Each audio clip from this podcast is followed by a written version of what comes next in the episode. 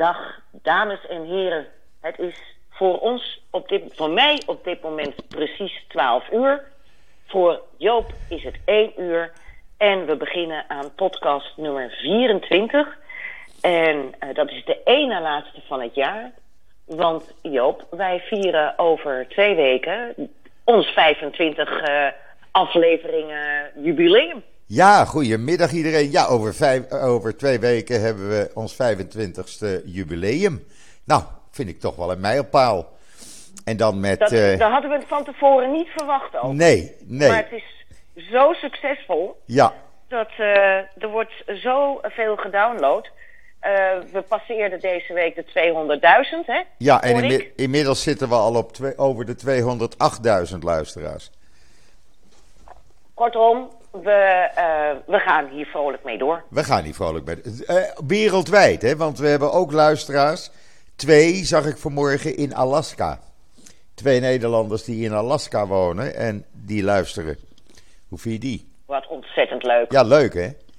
En we hebben er eentje, die ken ik toevallig, die woont midden in de bush in Brazilië. En dat is ook een uh, vaste luisteraar. Ontzettend leuk. ja. Nou, u bent allemaal welkom Ja. of u nu bij mij om de hoek zit of bij Joop op de hoek in Alaska of in Zuid-Amerika. Ehm, wij gaan gewoon weer eh, ons gesprek doen. Ja. eh, eh, dat we eens in de twee weken opnemen. En daar komen natuurlijk een aantal onderwerpen aan bod. We gaan het natuurlijk hebben over de rechtszaak tegen Thierry Baudet gisteren. Ehm, we gaan het hebben over de coronamaatregelen in Israël en wat dat voor consequenties heeft. En Joop heeft daar nog veel meer over te vertellen. We gaan het hebben over nog wat zaken die hier in Nederland spelen, die we ook in het NIW eh, publiceren. Maar laten we maar beginnen met Baudet, hè Joop? Ja, laten we daar maar mee beginnen. Ik, eh, ik eh, kreeg de reacties gisteravond al op mijn eh, Twitterbord, om het zo maar eens te noemen. Ja, je bent niet de enige. Ik Nee, heb vanochtend ook nog ook. een aantal tweets doorgestuurd. eh, alsof wij ook deze aangifte hebben gedaan. Ja, Dat niet te geloven. waar, dames en heren. Het, het of de stichting CIDI Legal, zoals dat tegenwoordig heet. En het CEO hebben deze civiele rechtszaak aangespannen. Met medewerking van vier Holocaust-overlevenden. Eh, Rob Moskou, mij zeer bekend. Hij staat ook, zijn verhaal staat ook in eh, het NIW, in de serie De Terugkeer. Matti en Mirna Tugendhaft, schatten van mensen. Ja, die ken ik ook. Ongelooflijk Ja, lieve mensen. Ehm, die waren er ook bij. En Rudy Cortisos natuurlijk. Ken ik ook. Eh, die was er ook. Eh, de- onderling hebben ze honderden familieleden verloren in eh, de Tweede Wereldoorlog in, tijdens de Shoah. Die waren dus ook aanwezig in de rechtszaal. Eh, en voor ons was het heel hectisch voor het NIW, want dit was een kort geding via civiel recht. En dat begon om half twee smiddags. En zoals misschien de NIW-lezers wel weten, hebben wij op woensdagmiddag onze deadline. Maar toen hoorden wij dat de rechter nog dezelfde middag uitspraak zou doen om kwart over vijf.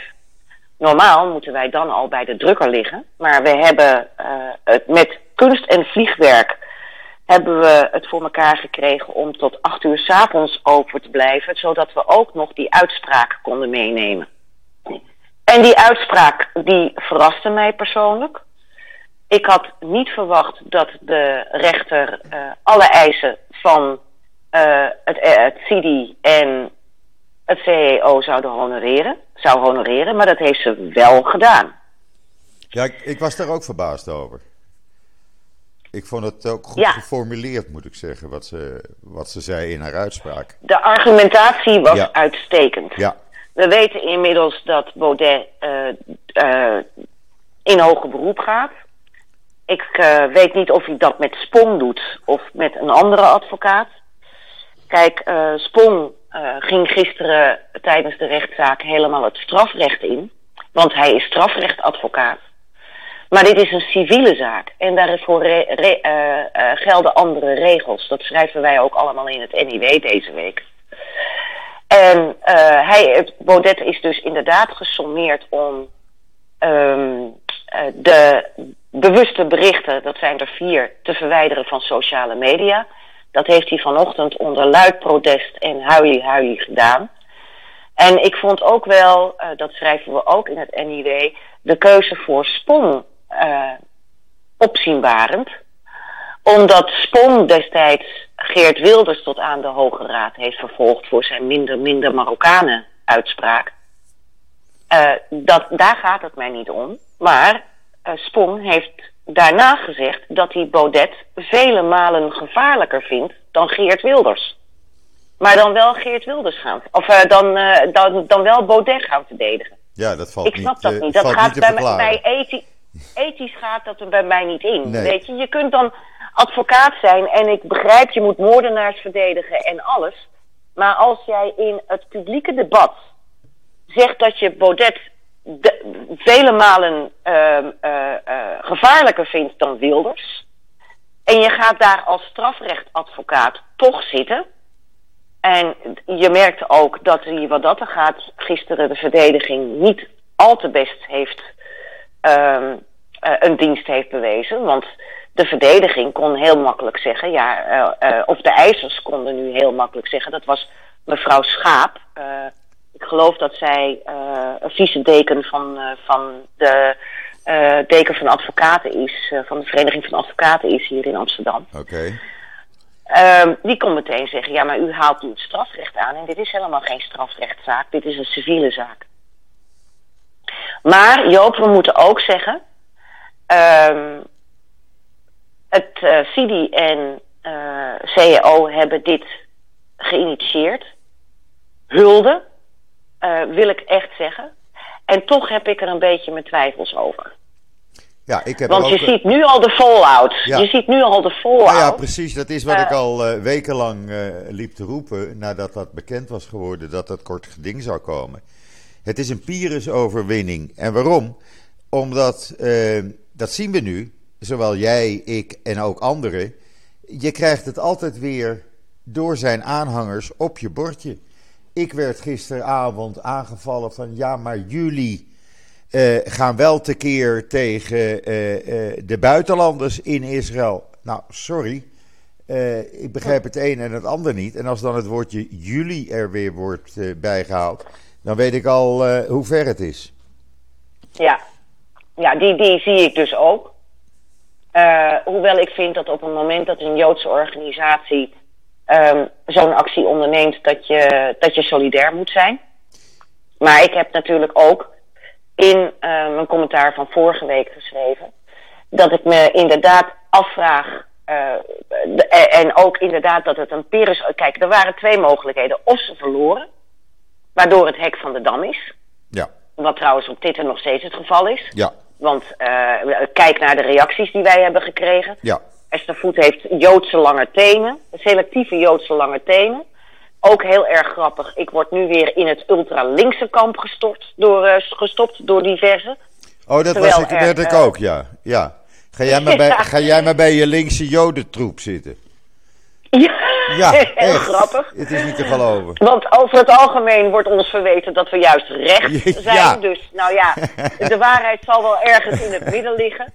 Uh, kijk, als journalist hoor je gewoon alles te. Uh, uh, hoor je met iedereen. Ik zeg altijd: als journalist hoor je met iedereen ruzie te maken. Als jij weet dat er feiten zijn die niet deugen, dan hoor je dat te schrijven. Of dat nou van links, van rechts, Rechts, uit ja. islamitische hoek of wat dan ook is. Daar hoor je gewoon melding van Ja, te maken. de feiten zijn zoals de feiten zijn. En ja, dat Precies. brengen wij naar buiten toe. En ja, daar zal niet iedereen blij mee zijn dan. Nou, dat is dan jammer, maar dat is deel van ons werk. In ieder geval, Baudet gaat in hoger beroep. Wordt vervolgd. Ehm, wordt vervolgd. Ik moet wel eerlijk zeggen dat de onderbouwing, de argumentatie van de rechter, vond ik echt indrukwekkend. Dus ik vraag me Ja. af of daar in hoger beroep nog verandering in komt. Maar ja, moet je horen, voor Baudet is het natuurlijk alleen maar weer koren op de molen, aandacht, aandacht, aandacht. Kijk ook eventjes de vier ikken die hij wel gebruikt in die tweet van vanochtend. Uh, het gaat alleen maar om Baudet. En uh, ik heb wel uh, na afloop nog even Mattie Toekendhaft gesproken. Ja. Dat staat ook nog in het NIW. Dat kon ik net op het laatste moment Mooi. nog even meenemen. Mooi. En Mattie Toekendhaft zei wel van... we hebben keurig netjes de handjes geschud met Spon en Baudet. En, um, maar Mirna en Mattie waren dolgelukkig Ja, ja. met de uitspraak. Maar Nou. ook dat ze hun verhaal konden doen. Kan ook ik me dat ze. Kunnen, konden vertellen. U heeft geen flauw idee als u deze idiote vergelijking maakt wat dat met ons doet. Ja, ik kan me dat voorstellen. Trouwens, wat Baudet wel heeft bereikt, is dat hij wereldberoemd is geworden. Want niet alleen in Israël is hij eh, in de pers, maar ik zag ook Overal. bijvoorbeeld een tweet van de BBC eh, langskomen. Ja, Eh, BBC vanochtend. ja. ja. Dus eh, ja, Politico. Ja. Amerika ook. ja, Het is internationaal nieuws. ja. Ja. Dus ja, dat heeft hij ermee bereikt. Hij kan zich nu in de slachtofferrol gaan zetten. En dat is hij ook aan het doen als je zijn tweet vanmorgen zag. Ehm, Ja. Echt wat, net wat jij zegt, huilie huilie. En hij is dus een slachtoffer geworden. Nou, daar zullen zijn Ja, het is, eh, wat wel en interessant is, eh, ik heb eh, Telegram, berichten op Telegram van een, eh, van een Forum voor Democratie ondersteunende club. Ja, En die, die, daar waren echt uitspraken van. En hij mag ze nooit verwijderen. En wij staan vierkant achter onze leider. ja nou ja, En, dat bedoel ik dus. Ja, ja, ja. dat is de Nou ja, keerzijde, van, de, keerzijde van de medaille. Het is de ja maar hij keerzijde heeft ze dus wel verwijderd. Ja. Hij heeft ze wel verwijderd. Ja, kan niet anders, Maar want anders moet hij betalen 25.000 euro per dag. Nou ja, eh, kijk, eh, die, al die mensen met die grote mond van het wordt, eh, hij mag het niet verwijderen. Doe maar een crowdfunding dan. Ja, Nee? ga maar dokken. ja. Ja, maar zover gaan ze niet. Nee, maar het grappige is ook dat, we, dat heel veel vanuit de Forum voor Democratie hoe het nu wordt gebruld. En wat doen jullie dan tegen dit en dit en dat? En daar ze, ze hebben jullie het niet over. Jullie schoppen alleen maar tegen links. Nou, ehm, er zit bijvoorbeeld in een draadje wat ik net op Twitter tegenkwam. eh, de bewuste foto met eh Kautar Bouchalit. Of hoe, eh, Ja. ik hoop dat ik de Ja. achternaam goed uitspreek. Ja, Van GroenLinks ja, die toen onder een spandoek stond met een Davidster is eh, een hakenkruis. Dat was een demonstratie in mijn tijd als eh, directeur van het CIDI in 2014. Dat was tijdens de Gaza-oorlog uit 2014. ja. En ik heb daar toen ook als directeur CIDI aangifte tegen gedaan. En het OM zag die zaak niet zitten. Dus, ehm, eh, want die, die- ze vonden die vergelijking niet antisemitisch. Nou ja, gelukkig Ja. is er intussen de IHRA-definitie eh, antisemitisme.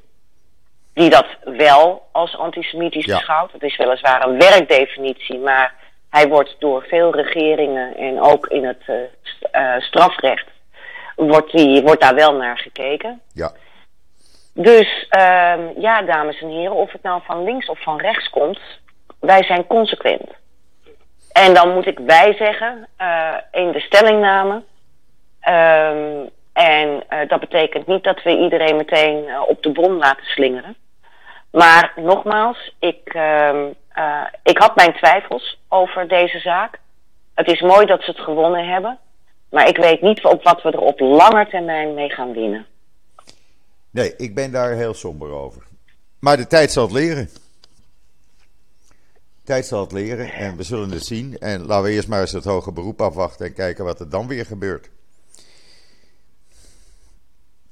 Ja, weet je, het polariseert zo. Hè? Ja. En het, eh, het drukt ook heel erg op. eh we zie je wel, Joden hebben de rechterlijke macht. Aan Nou ja, de andere dus. kant kan ik me ook. Ja, maar aan de andere kant vraag ik me ook af, eh, Joop. Zouden wij als Joden niet, daardoor minder gebruik moeten maken van de rechtspraak? Nee, natuurlijk niet. Natuurlijk Nee, niet. precies. We moeten ons niet Wij laten recht- intimideren. Dat moet je niet. Precies, we hebben het recht om recht te halen. Juist. dus, precies. en dat hebben we nu gekregen. Zoals iedereen dat recht Eh, heeft. al- als Joodse gemeenschap, zoals iedereen dat, eh, dat, dat, dat heeft. Dus nou ja, en dan waren, was verder natuurlijk ook nog, uh, de, daar kunnen we het in onze laatste podcast over hebben. Uh, die andere rechtszaak, die hebben we vorige week ook al besproken over de Lodewijk Dijkstra. Ja. Die in deze Oersien T bleek te zijn. Ja. die, die, die, die jarenlang allerlei Joden die al dan niet zich profileerden in het maatschappelijk debat heeft lopen terroriseren. En niet alleen die, maar ook bijvoorbeeld iemand als Weer, Weer Duk en Bart Schut. Mensen die hij dan zag als uh, pro-Israël. Journalisten. Uh, maar het was echt van Natasja van Wezel. Uh, die toch behoorlijk, een behoorlijke criticaster is. Tot, tot inderdaad Weer Duk en alles wat er verder Joods tussen zat. Ook onbekende, onbekende Joden op Facebook. Ook onbekende, ja, ja, ja, ja, ook onbekende. Ja. Hij, hij struinde echt het, uh, het internet af ja. om, om zijn gal te spuwen. Uh, en 22 december is die uitspraak. Dus daar ben ik heel benieuwd naar wat dat gaat worden. Ja, nou ja, we gaan het bijhouden. Woensdag. Ja. We gaan het bijhouden. We gaan even op naar een volgend onderwerp, Joop. Ja, doe maar. Schenk ik nog even een kopje koffie voor je in, hè? Gezellig, met een koekie erbij. Met een koekie erbij. Man, we gaan het even hebben over de ontwikkelingen rond uh, corona en de, in het bijzonder de Omicron-variant. Ja. Nou ja. Hoe, uh, hoe staat op dit moment de zaken voor in Israël? Nou, in Israël is het zo, er zijn nog maar nog slechts, zeg ik dan, 80 ernstige patiënten. Er liggen nog maar 122 mensen in het ziekenhuis. En er zijn 6.500 actieve viruspatiënten. Wat betekent dat de meeste mensen die het virus hebben, eh, lichte tot milde klachten hebben en vaak met een paar dagen weer eh, uit quarantaine kunnen. Eh, de Omicron-variant, daar zijn nu zo'n 88 gevallen van bekend. Ook mensen die het in het land hebben opgenomen, opgelopen. En er zijn 150 verdachte gevallen.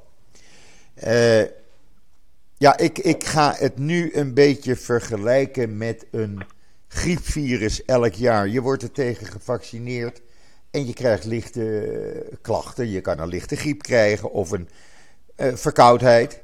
Maar ik vermoed dat dit die Omicron-variant is, want die, die ernstige gevallen zijn er niet bekend van Omicron of door Omicron. Nee, dat, wat, wat dus de theorie is, is dat die Omicron-variant het over zou nemen van de Delta-variant, Ja. omdat die besmettelijker is. Ja, Maar dat de, dat de klachten die deze variant veroorzaakt eh, minder heftig zouden zijn dan bijvoorbeeld de Delta-variant. ja wat vanmorgen maar bekend... dat is in principe prematuur. Ja, maar vanmorgen is bekendgemaakt dat hij 70 keer besmettelijker is dan de Delta-variant.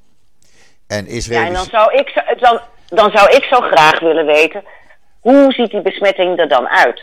Is het ook bijvoorbeeld hier in Nederland als je eh, via eh, websites iets bestelt aan huis en de, de, degene die het aflevert heeft de Omicron variant, haal je die dan ook binnen in jouw huis zodat je ook besmettelijk bes- besmet kan worden? Nou ja, dat is nog Dat zijn allemaal zaken die, we niet, die we allemaal niet weten. Die weten we niet. Kijk, in Israël wordt er heel veel onderzoek gedaan.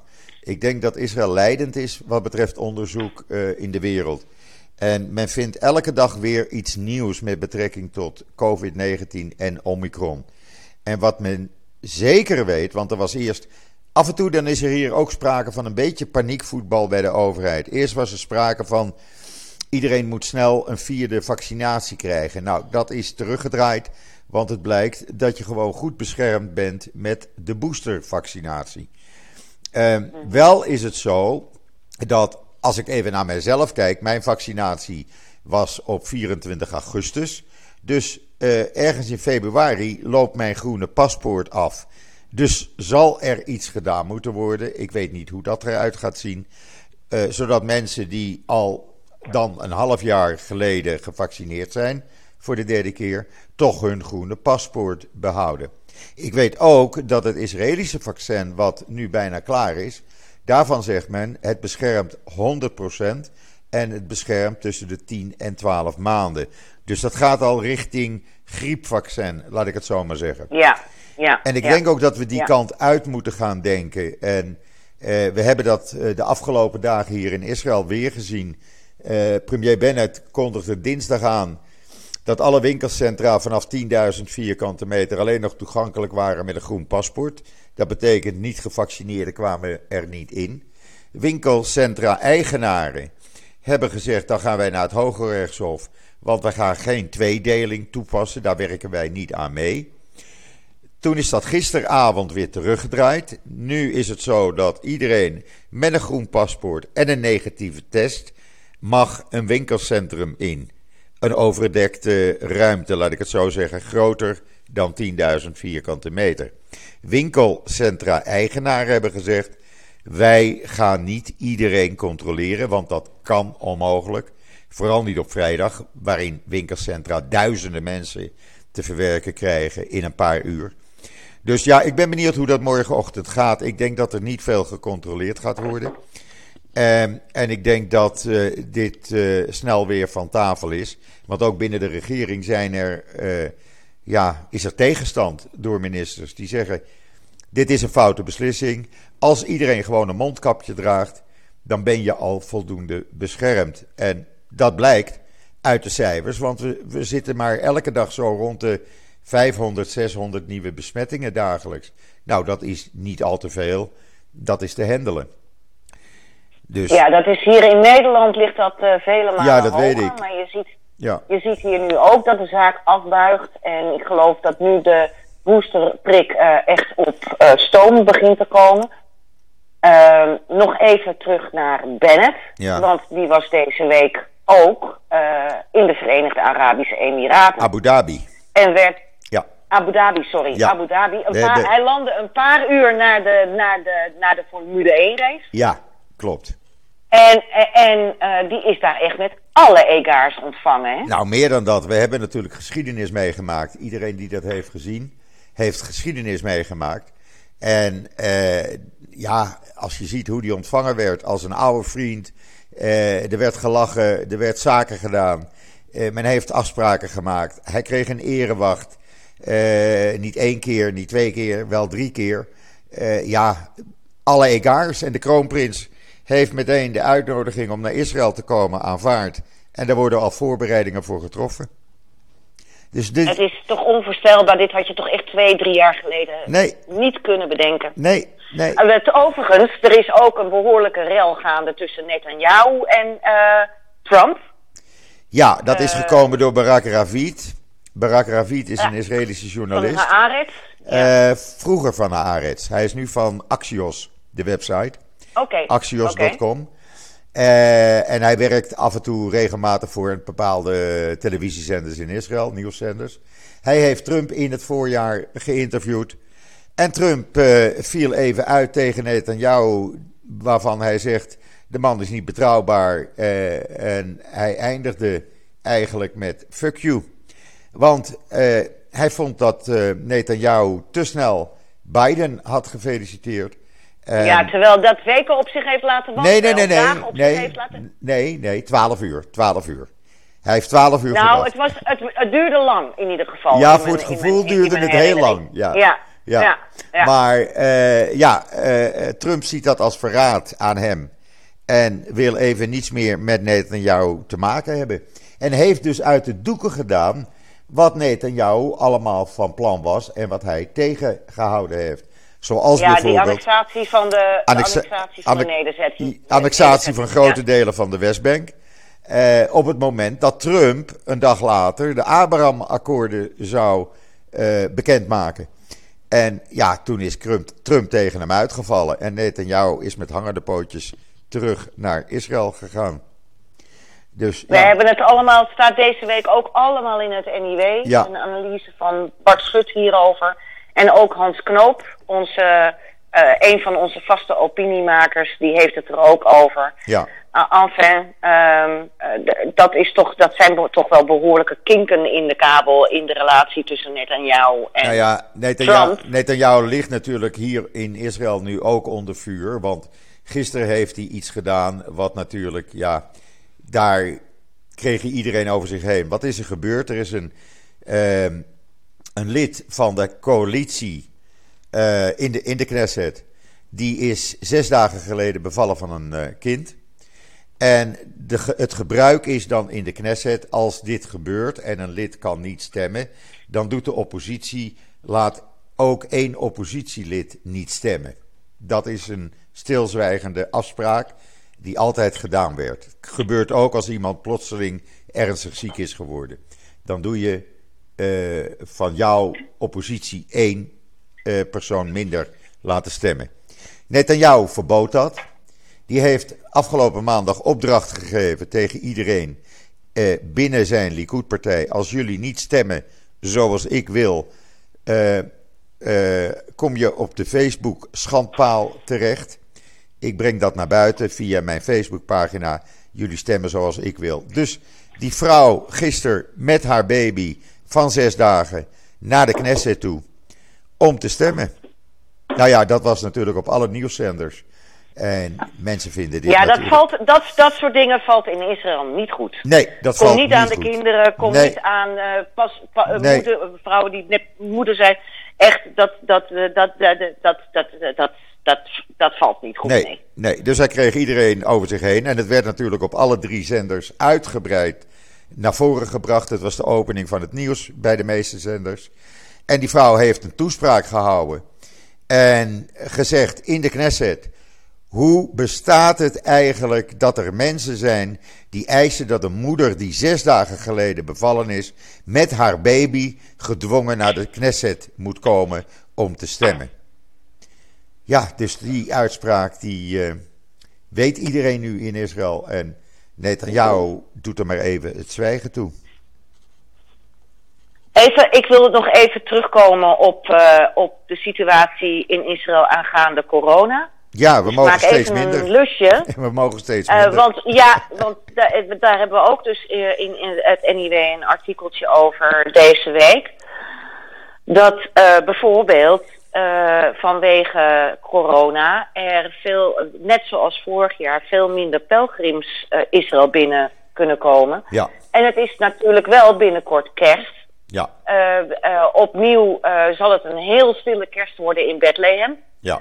En um, ja, dat is natuurlijk ook voor de economie daar een, een grote ramp. Want dat, dit zijn de hoogtijdagen. Een klap. Ja. Um, uh, hoe, heb, heb, jij enig uh, idee hoe de reactie daarover in Bethlehem is? Ja, nou, ik weet hoe de reactie over het algemeen is.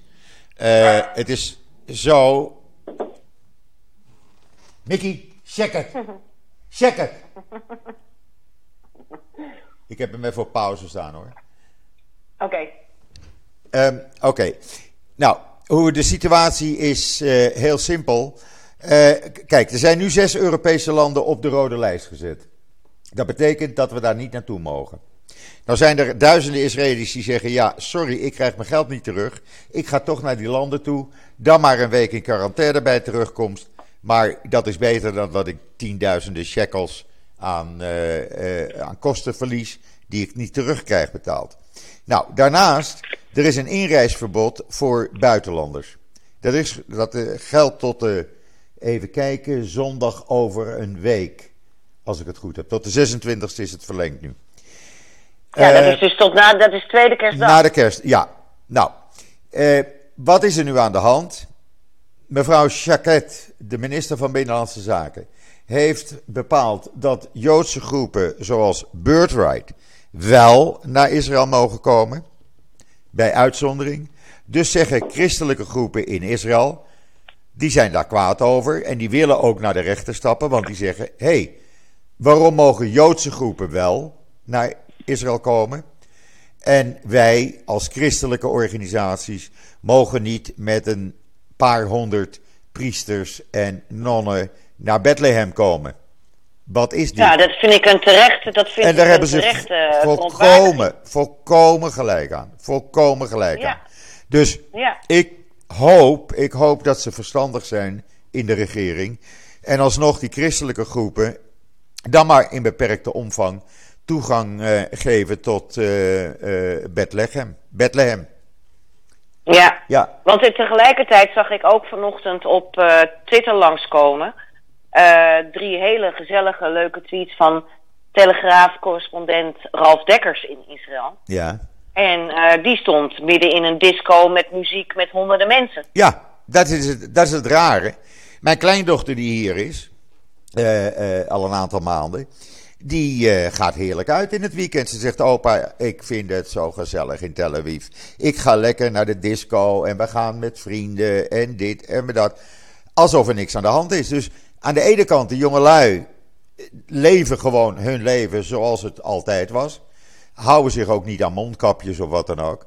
En daar wordt ook weinig op gecontroleerd. Dus ik begrijp al die strenge maatregelen niet. Kijk, ik wil ook wel eens weer een keertje mijn kleinkinderen en mijn kinderen in Amsterdam zien. Waar ik al twee jaar niet naartoe kan. En dat kan gewoon niet. Want als ik terugkom uit Amsterdam, moet ik verplicht een week in quarantaine. Nou, daar voel ik weinig voor. Als ik drie dagen ga en een week in quarantaine moet, dan uh, is dat een beetje raar natuurlijk. Ja, daarbij komt, wie laat je hondje dan uit? Nou ja, dat kan wel. Uh, gelukkig een van de kinderen hier, die wil hem graag hebben. Daar vechten ze om. Dus wat dat betreft heb ik daar wel weer een oplossing voor. Nee, maar ik bedoel, mhm. ik, ik, eh, het frustreert aan de ene kant. Ze leggen dus allerlei beperkingen op. Maar ja, eh, af en toe betrap ik mijzelf erop dat ik ook zo ga denken als veel Israëli's op het ogenblik. Die zeggen van ja, uh, jullie doen maar. Wij doen ook wat wij willen en we gaan gewoon uh, naar Engeland. Gisteravond zaten de toestellen naar Engeland vol. Terwijl vanaf uh, komende zondag op maandagnacht Engeland, als je terugkomt, een week in, in quarantaine moet. Ja, ja. Maar nou, mensen, ja, het is raar. Ik vier hier gewoon de dagen in zeer klein com, en, en très petit comité. Ja. Dus uh, ik hou me er hier maar voorlopig uh, wel aan. Nou ja, kerst wordt hier uh, natuurlijk niet gevierd hè, in Israël. Een oud en nieuw, ja, dat werd Nee, maar Sylvester wel een beetje. In hotels, maar ja. Hier, ja, ja, precies. Dus, Kijk, 1 januari, 1 januari is natuurlijk een gewone werkdag in Israël. uiteraard. En wij beginnen op 2 of 3 januari. We zijn tot en met 2 januari gesloten als NIW. Ja. Uh, dat komt niet omdat wij niet door willen werken, maar omdat bijvoorbeeld de drukkerij gesloten is. Want die zijn tussen kerst en oud en nieuw dicht. Ja. Dus wij hebben nu ook gewoon twee weken vakantie waar ik echt ah, wel even gebruik van ga maken. Behalve dan dat wij wel de podcast opne opnemen. Ja. Um, en um, ja, we, we, gaan verder gewoon zien hoe dit zich ontwikkelt. We zullen het in ieder geval op de voet volgen, omdat Israël gewoon gidsland is. Israël is gidsland, absoluut gidsland. Ik heb vaak, uh, zeg ik ook op social media of in artikelen, uh, als, als meneer Hugo de Jonge of iemand anders van de Nederlandse regering nou even de moeite neemt om gewoon te kijken wat er in Israël gebeurt en dat één op één kopieert, dan heb je in Nederland veel minder problemen als dat er nu zijn. Nou, uh, voorlopig wacht ik nog op mijn boosterprik. Ja, nou ja, dat bedoel ik dus. Kijk, ook de manier waarop het gaat. Ik heb een, een vriend, een jeugdvriend, en jij kent hem ook. Uh, we zijn uh, vanaf ons derde jaar bevriend. En die belde mij van de week: Joop, ik heb nog steeds geen oproep gehad. Weet jij hoe dat zit in Nederland? Ik zei: Nou, Rob, ik weet wel hoe dat zit. Ik zei: Jij moet dan even de GGD bellen. Ik zeg maar, ik vind het raar dat jij een, op een e-mail moet wachten. Ik zeg, weet je hoe dat hier ging? Wij kregen gewoon een appje. Kan je dan en dan komen? dan moet je één indrukken. Kan je niet komen, druk je twee in, krijg je een andere datum. Zo ging dat hier. Iedereen kreeg een appje en je kon de volgende dag al komen. Nou, hij heeft uiteindelijk nu een boosterprik geregeld. Hij woont in Amsterdam. En hij gaat woensdag, komende woensdag, moet hij naar Hilversum om een boosterprik te krijgen.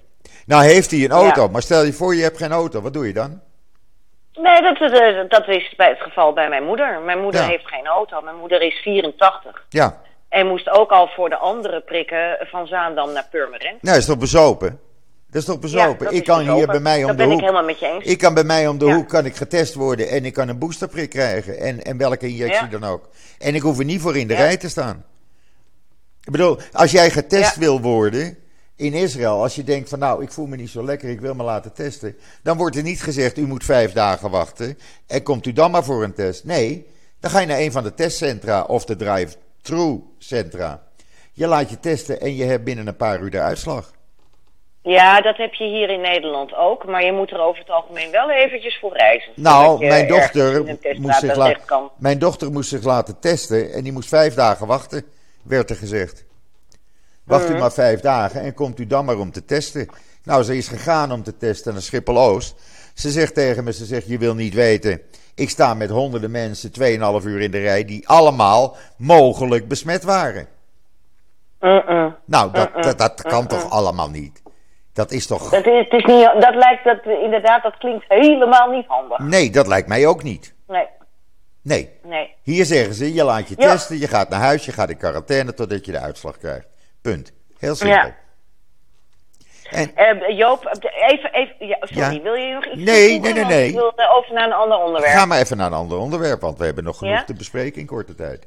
Eh, de, ook in het NIW deze week. Er is een initiatief genomen door overlevenden van de Holocaust.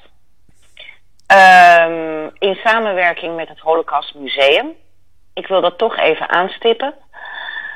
We hebben natuurlijk de Yad Vashem Award. Dat is een zeer gerespecteerde award voor mensen die tijdens de Tweede Wereldoorlog Joden hebben helpen onderduiken enzovoorts. Ja. Maar eh, er is eh, geen Nederlands initiatief. En er is dus nu een, eh, een, ehm, een stichting opgezet die een monument willen oprichten in het Holocaustmuseum. Ja. Tegen de muur aan. En je moet het zo zien. Het Holocaustmuseum heeft een voorgedeelte. En dan ga je een soort schoolplein over. En daarachter heb je een gedeelte wat voormalig gymzaal is. En dat, dat hele museum dat wordt in 2023 geopend. En deze mensen nu vinden het erg belangrijk dat ook vanuit eh, de Nederlandse Joodse gemeenschap er een monument van dankbaarheid komt. Nou, denk ik bij dat monument van dankbaarheid altijd meteen aan dat verschrikkelijke monument dat nu plaats heeft gemaakt voor het prachtige namenmonument. Ehm, eh, op de Weesper, Weesperstraat. Wees- Weesperstraat. Wees- Weesperstraat. Ja. Maar in ieder geval, ze willen dus eh, zelf ook nog een, een monument oprichten in eh, het Holocaustmuseum. Als vanuit, uitgaande vanuit Nederlandse Joden. Ja. A, dat is natuurlijk rijkelijk laat. Laten we dat wel zeggen. ja. Maar ik begrijp het wel. Het idee is leuk. het idee is goed. Het, ja. Ja. Dus nou ja, daar leest u alles over in het NIW deze week. Interessant. Eh, en u kunt, u kunt dat eventueel ondersteunen als u dat wil. En het is allemaal wel in samenspraak met Emiel Schrijver, die zoals we weten algemeen directeur is van het Joods Cultureel Kwartier, waar ook het Holocaustmuseum onder valt. Eh, en dat dan in 2023 zou moeten openen. Mooi. Dus ik denk, ik geef dat even door. ja, heel belangrijk. Ik wist dat weer niet. nieuws. Dit wist ik niet. Kijk, Nee, moet dat je, klopt, want wij, wij, wij, wij, zijn de enigen die dit hebben. daar moet je dus het NIW eh, weer voor hebben. Ja, Hé? zo is dat. Ja. Zo is dat. Gauw een abonnement afsluiten. Dacht ik zo. Verder nog een, eh, een tweede interview met Ankie Regges. Maar dan over haar vak als correspondent in Israël. Dus dat is iets heel anders dan dat enorme verhaal dat wij ook online hebben Ja. gezet over haar 50 jaar durende strijd voor rechtvaardigheid voor de eh, slachtoffers van de aanslag in München, hè? de Ja. terroristische aanslag in München. Ja, waarbij En haar man, eh, waarbij haar man omkwam. André Man Spiester. over, haar, haar man, ja, haar man was een van de slachtoffers. Ja. Eh, en we hebben natuurlijk het verhaal dat Sahavi, Sahavi opnieuw slachtoffer is geworden van een eh, roofoverval in huis. Familie was niet thuis, maar je begint je zo langzamerhand wel af te vragen waarom wordt hij tot twee keer toe in twee maanden, in een paar maanden eh, getarget. Nou, je weet dat in Israël dus meteen in de kranten stond, en dat is echt in alle Hebreeuwse kranten geweest, dat eh, die hadden hem gesproken en hij overweegt PSV te verlaten. Zijn vrouw schijnt namelijk niet meer terug te willen. Dus dat, krijgt, dat wordt nog een dingetje. Ja, dat begrijp ik. En ik kan me dat goed voorstellen. Ik kan me dat voorstellen. Hij kan terugkomen bij Maccabi Tel Aviv, werd er al gezegd. Waar hij vandaan ja, kwam. maar hij is, te goed, hij is te goed voor Maccabi. Ja, nou ja, ook Amerika schijnt eh, interesse in hem te hebben. Een aantal voetbalclubs daar. Dus ja, hij kan geld verdienen. Daar gaat het even om, want hij is aan het eind van zijn carrière natuurlijk. Ja, dat klopt. Dus wat Nou, er gaat gebeuren, daar- ja, ik ben benieuwd. Wij, wij houden het helemaal bij. Ja, ik ook. En ook, eh, dames en heren, de laatste bijdrage van eh, ons aller zeer geliefde Yigal Krant. Ach, stopt hij? Eh, ja, hij stopt ermee. Hij heeft nu een tweede boek uitgebracht. Eh, helemaal uitverkocht. Heel beroerd natuurlijk, vlak voor de feestdagen hier in Nederland. Maar eh Yigal gaat zich toeleggen op andere zaken. Dus hij staat deze week voor het laatst in het NIW Ach, met zijn, met, met zijn, met zijn culinaire column. Hè? ja. Eh, hij wil nog wel dingen voor het NIW blijven doen, maar dan meer redactionele zaken. ja, ja. Is het bekend maar wat ja, hij gaat doen? wil- Is het bekend wat hij gaat doen? Ik denk dat hij zich vooral gaat toeleggen op tv en eh, misschien ook gewoon zijn verslaggeving bij BNR. Aha. Dus eh, kijk, eh, ik, ik we- weet sowieso niet hoe Yigal dat al die jaren kon doen.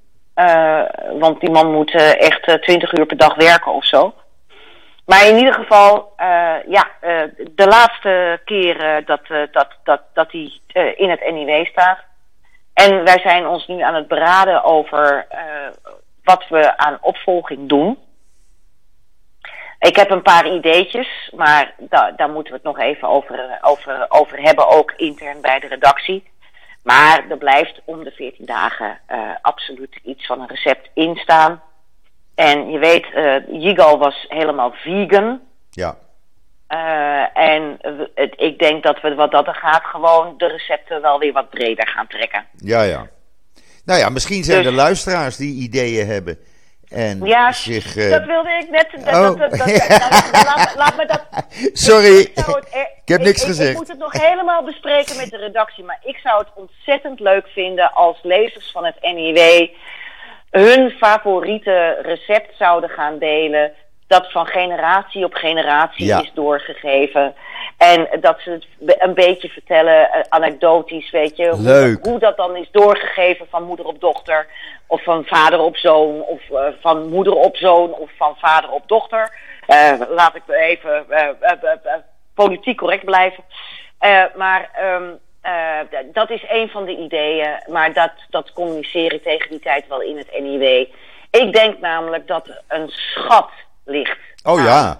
Prachtige recept, recepten Oh ja. binnen eh, de, de lezers Ja. eh, eh, groep. En wat zou het niet ontzettend leuk zijn om, om, om dat ook tegen de tijd een keer bijvoorbeeld Enig. in boekvorm uit te brengen. Enig. Ja, ik kan je zeggen, ik maak nog steeds de kippensoep zoals mijn moeder hem altijd maakte. Ja, Ja. en, en, en kijk bijvoorbeeld, en, en dan heb je natuurlijk de, de ongeëvenaarde boterkoek van Rika Pais.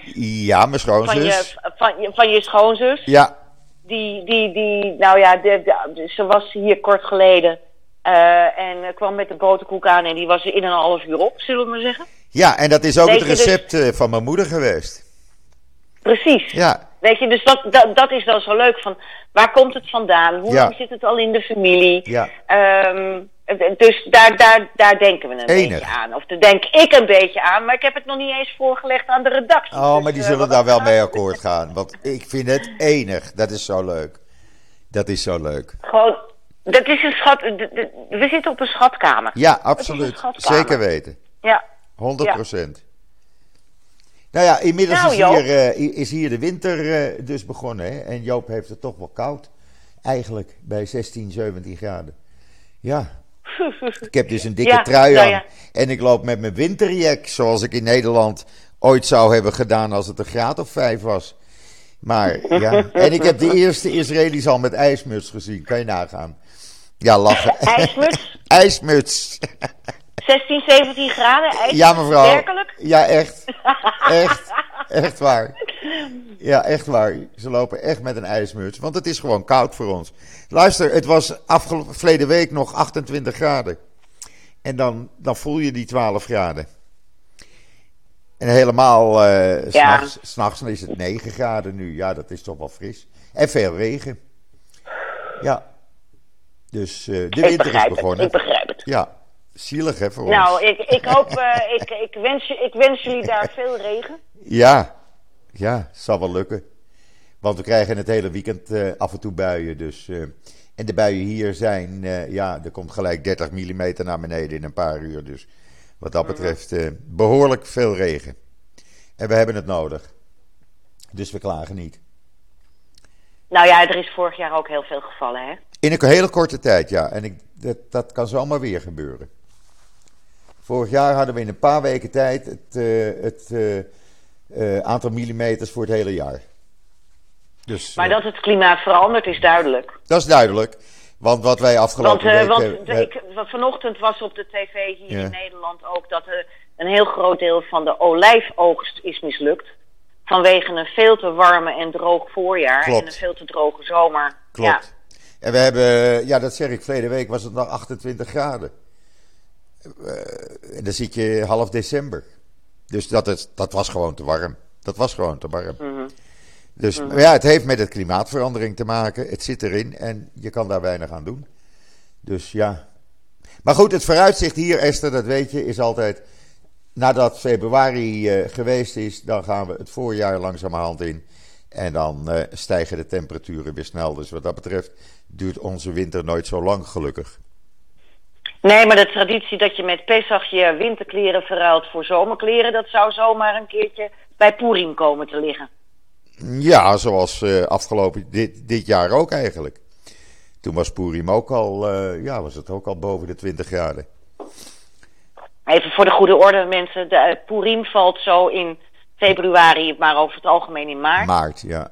En, en, en Pesach valt in april, Ja, precies. Over het algemeen. Dus, Ja. eh, dus dat is het verschil. Dat is ja. het verschil. Ja, en tegen Yom Ha'atzmaut, eh, onafhankelijkheidsdag, dan is het vaak al warm.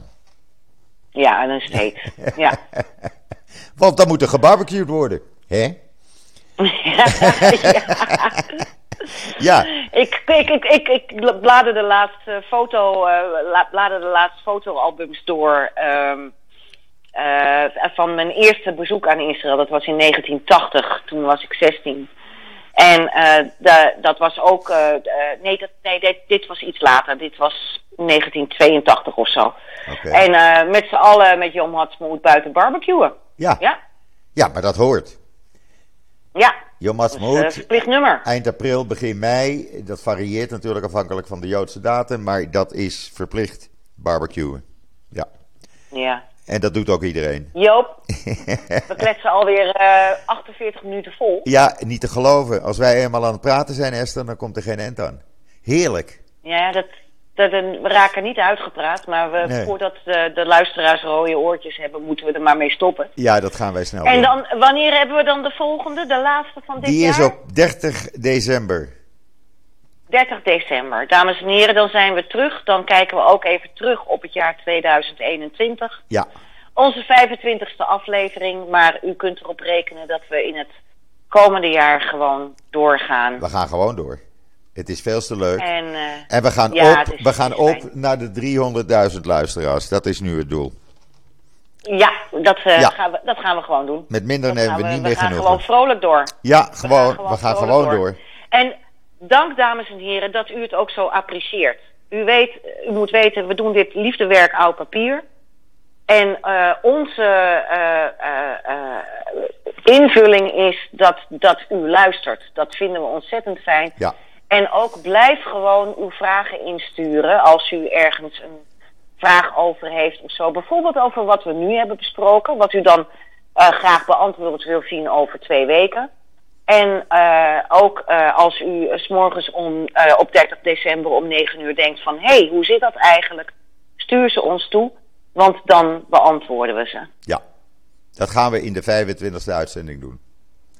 Absoluut. Dus ook, ook dan, zeker weten. Ja, onder andere. Ik kijk er, al, ik kijk er, nu, al, ik kijk er nu alweer naar uit.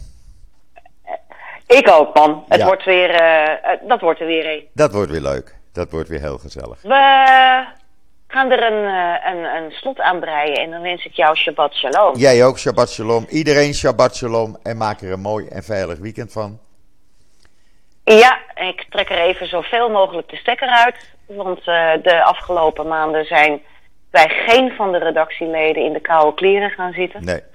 Uh, het is erg druk geweest. Even bijdenken. Um, even bijdenken. Even, even gewoon, even, even, even rust. Heel groot gelijk. En dan kan je in januari weer met frisse kracht beginnen. Hé? Met uitzondering van 30 december. Met uitzondering van 30 december. Dan zijn we weer aan deze prachtige keukentafel. Nogmaals, iedereen, Esther, jij ook. Heel goed weekend. Shabbat shalom. En we spreken elkaar allemaal snel. Bye bye. Bye.